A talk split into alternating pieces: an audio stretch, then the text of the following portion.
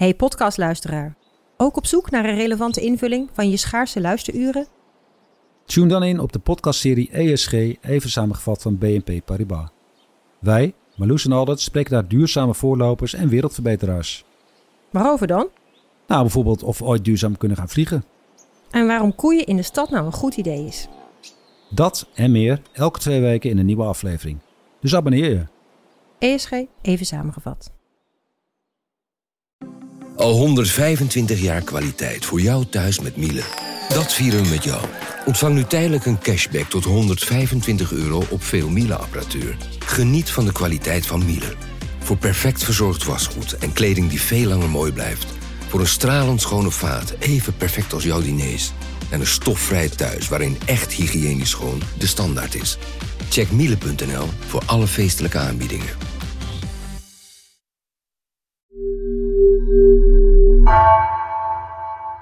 Vanaf de redactie van NRC het verhaal van vandaag. Mijn naam is Floor Boon.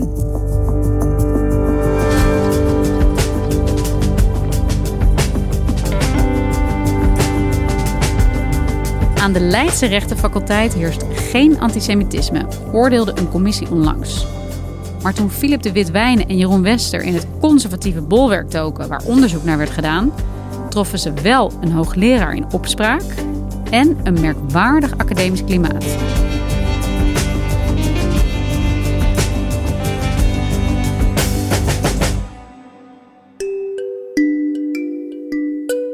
Als je het eh, Kamerling Ondersgebouw binnenloopt, de, de Leidse rechtenfaculteit aan het Steenschuur in, eh, in de binnenstad van Leiden, dan zit ergens vrij goed verstopt boven op de, de zolderetage van het hoofdgebouw zit het hoekje wat bekend staat als het conservatieve bolwerk. Waar uh, de drie hoogleraren zitten, Afshin Elian, Paul Cliteur en Andreas Kinneging. En waarom wordt dit het conservatieve bolwerk genoemd?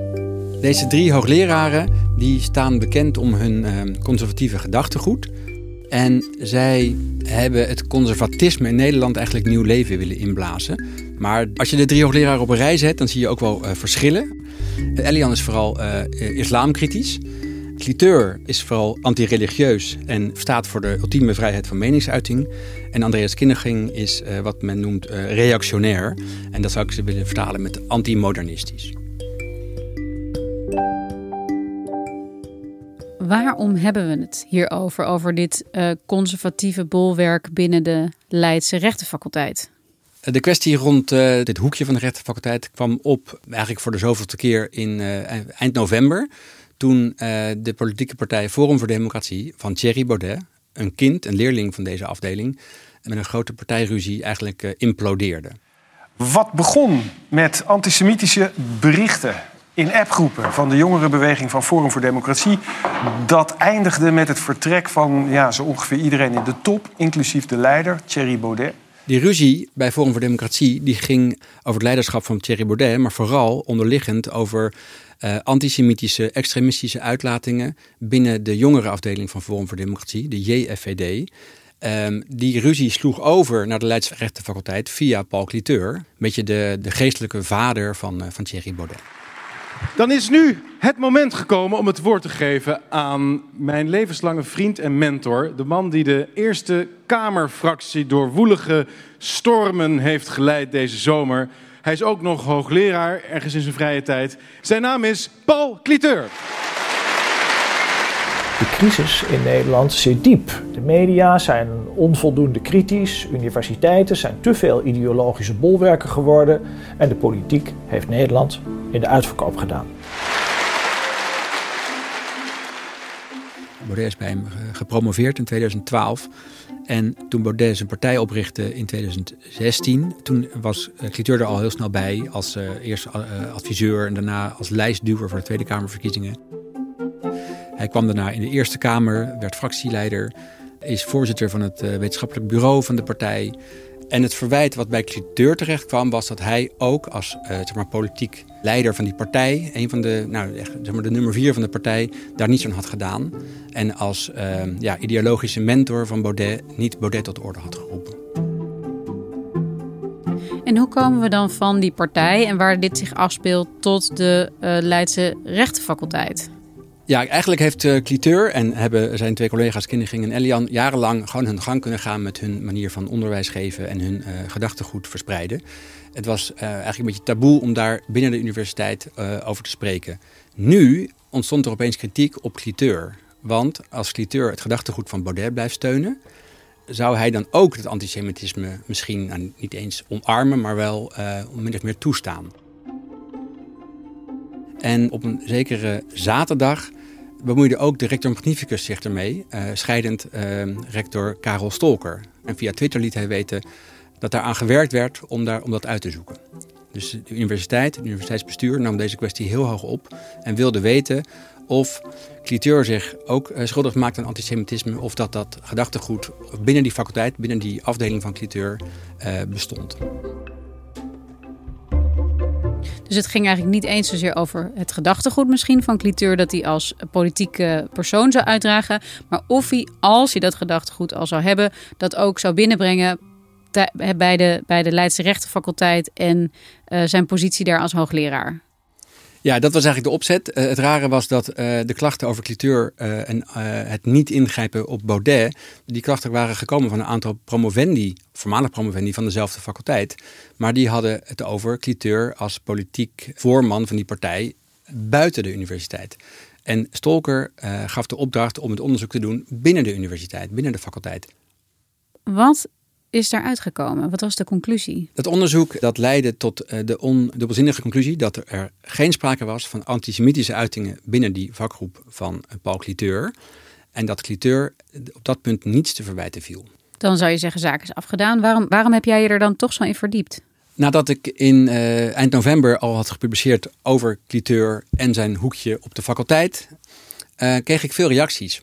Van, uh, laten we zeggen, zowel fans van Cliteur en uh, ook van critici, van studenten, van promovendi.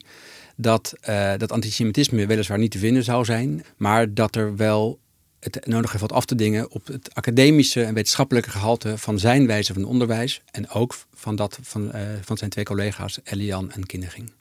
Is er dan iets te zeggen over ja, hoe het daar aan toe gaat? En hoe is het daar om onderwijs te krijgen? Wat we weten we dat eigenlijk? Nou ja, dat wilden wij ook weten. Mijn collega Jeroen Wester en ik hebben met, uh, met tientallen mensen gesproken die daar student zijn of student zijn geweest, uh, promovendi zijn of waren, collega-docenten, collega-hoogleraren.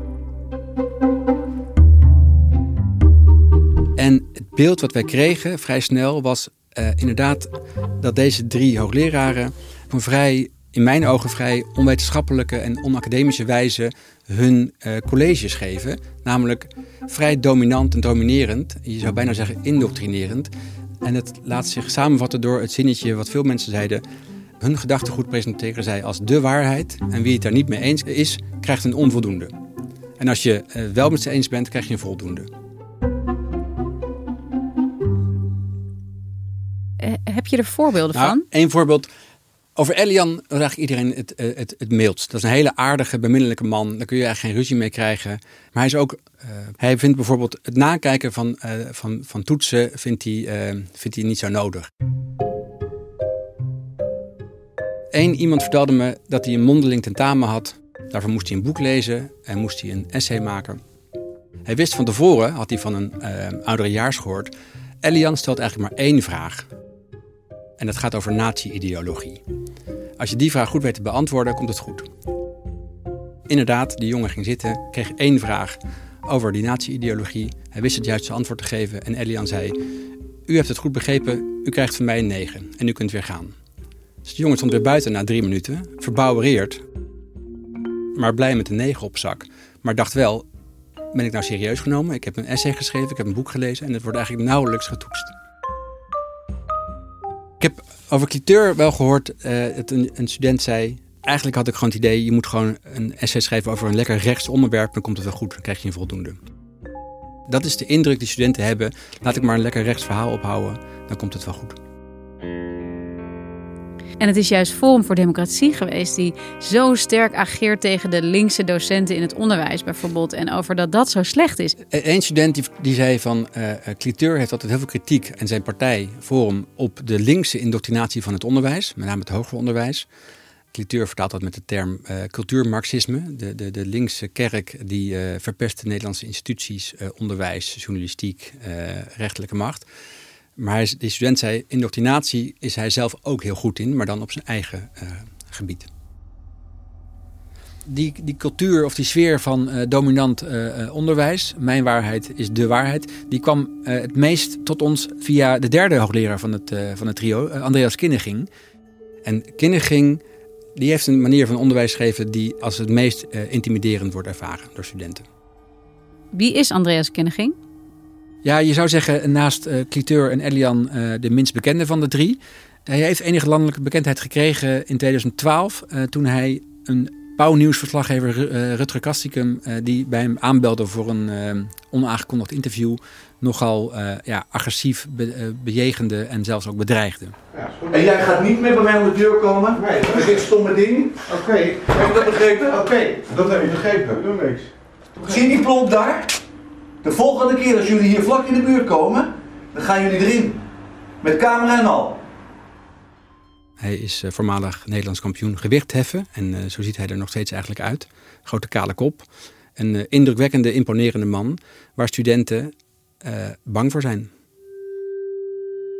Dat, daar hoorden we veel verhalen over. En uiteindelijk begrepen we ook dat er in het afgelopen studiejaar een, uh, een forse aanklacht is geweest tegen uh, Andreas Kinderging door een aantal studenten. Die hebben geklaagd over zaken als uh, intimidatie, seksuele intimidatie en agressief gedrag. En wat was daar aan de hand? het ging over tal van zaken. Ehm, het college afgelopen jaar over de geschiedenis van de rechtsfilosofie en ethiek. Dat uh, moest online plaatsvinden. Vanwege de coronamaatregelen konden er geen uh, fysieke colleges meer worden gehouden. En uh, Kinderging allereerst had daar geen trek in.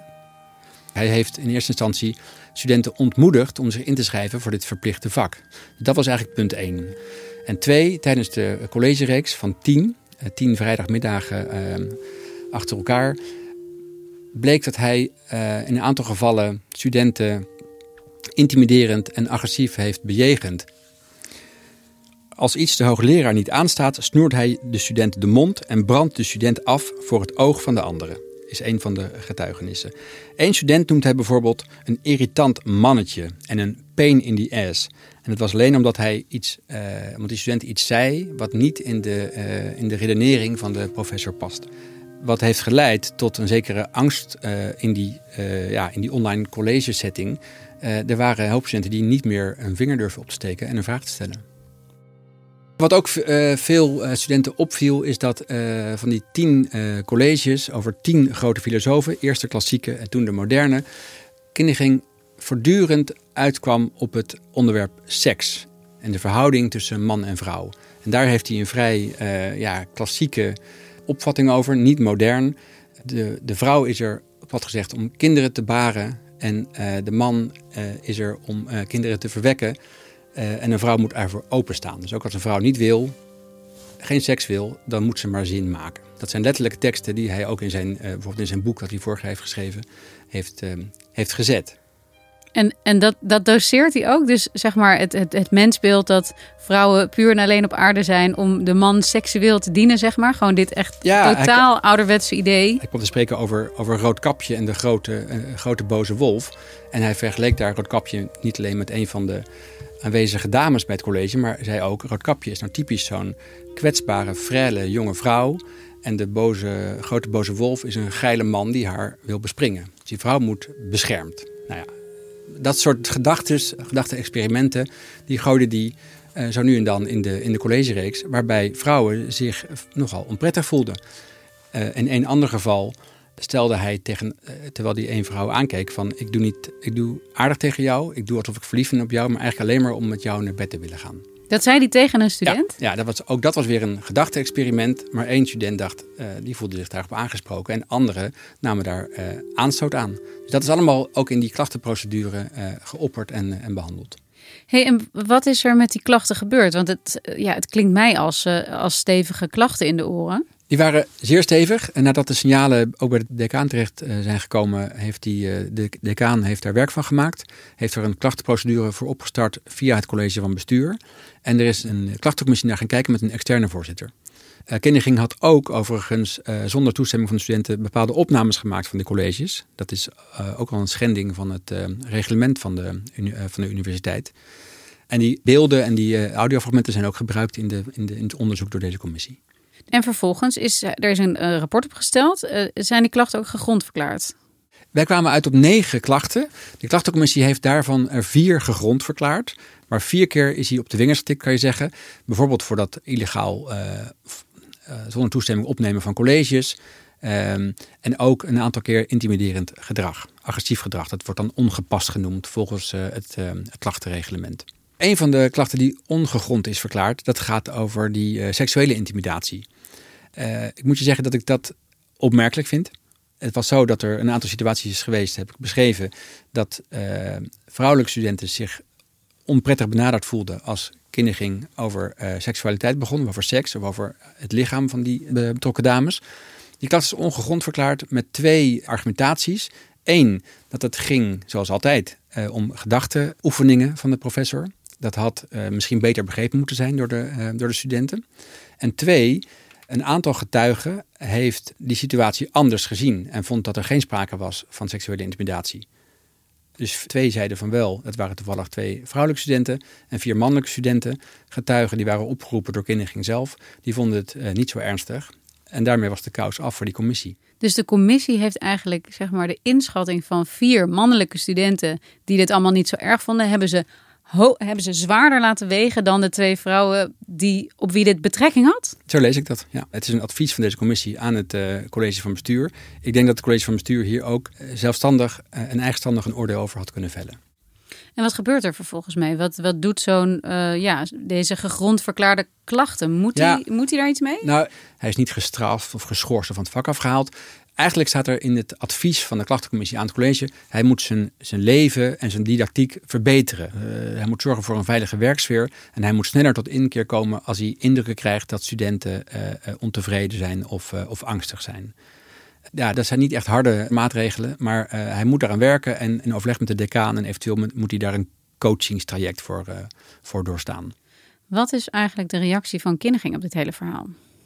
Uh, heb ik een aantal keer gesproken um, en we hebben dingen voorgelegd. Hij wilde niet in, uh, inhoudelijk ingaan op die, op die klacht, want dat is een, een, een, vertrouwelijke procedure. In zijn verweer voor die commissie zegt hij zich um, niet in het beeld te herkennen dat die klagers hebben, hebben opgeroepen. En hij wijt ook de, ja, de omstandigheden, dat online lesgeven is niks voor hem. Daar, moet, daar heeft hij gewoon grote moeite mee dat dat hem heeft gedreven tot ja, bepaalde bepaalde gedragingen. En hij heeft zich overigens wel geconformeerd aan het advies en de uitspraak van het college. Dus hij, uh, hij zegt zijn, uh, zijn leven te zullen beteren. hey, en Philip, we kijken dus naar uh, ja, het conservatieve bolwerk, zoals het is beschreven binnen die uh, rechtenfaculteit, waar nou ja, een bepaald klimaat heerst. Een angstcultuur heb jij eerder genoemd. En ook een klachtenprocedure met een aantal gegronde klachten tegen een van de hoogleraren. En tegelijkertijd zijn dit ook twee van de drie die sterk gelieerd zijn met een politieke partij, Vorm voor Democratie, uh, waar dit soort gedachtegoed ook heel erg wordt uitgedragen. Ja, kunnen we hier nog iets concluderends over zeggen? Houdt dit verband met elkaar? Kijk, het gedrag van Kinniging heeft natuurlijk niets te maken met, uh, met Forum voor Democratie. Maar Kinniging die, uh, die roept eigenlijk aan zijn studenten steeds, en dat is ook wel in die, in de klachtenprocedure opgeschreven, dat hij zichzelf als een vader ziet die zijn kinderen, de studenten, bij de hand wil nemen en eigenlijk wil heropvoeden. Want de, opvoeding door hun ouders is totaal mislukt, want dat is een moderne opvoeding geweest. Hij wil ze klassiek scholen en klassiek opvoeden. Dus hij, dat is zijn methode. Uh, zijn idee van kennisoverdracht is niet ik bied iets aan en het is aan, aan ieder om daar uit te halen wat hij inziet of belangrijk vindt. Maar hij ziet zichzelf als iemand die ook de taak heeft om te zorgen dat de ander gaat overnemen wat hij vindt. Precies, ja. En daarbij de overtuiging dat zijn uh, waarheid de waarheid is. En dat zie je natuurlijk ook terug bij Cliteur en dat zie je ook terug bij Baudet. Baudet zegt ook dat die mensen wakker wil schudden. En uh, uh, mijn verhaal is het ware verhaal.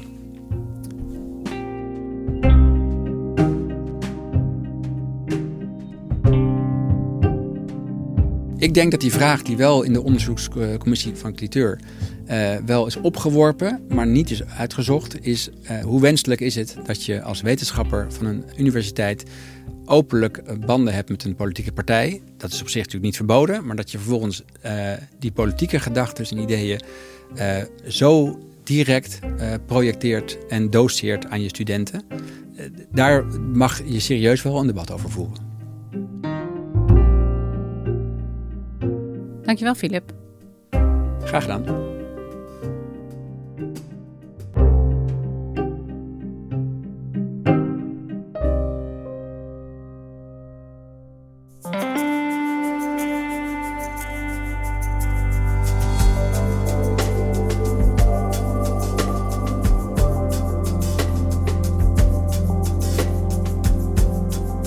Je luisterde naar vandaag, een podcast van NRC. Eén verhaal, elke dag. Deze podcast werd gemaakt door Ido Havinga en Jennifer Patterson. Chef van de audioredactie is Anne Moraal. Dit was vandaag. Morgen weer.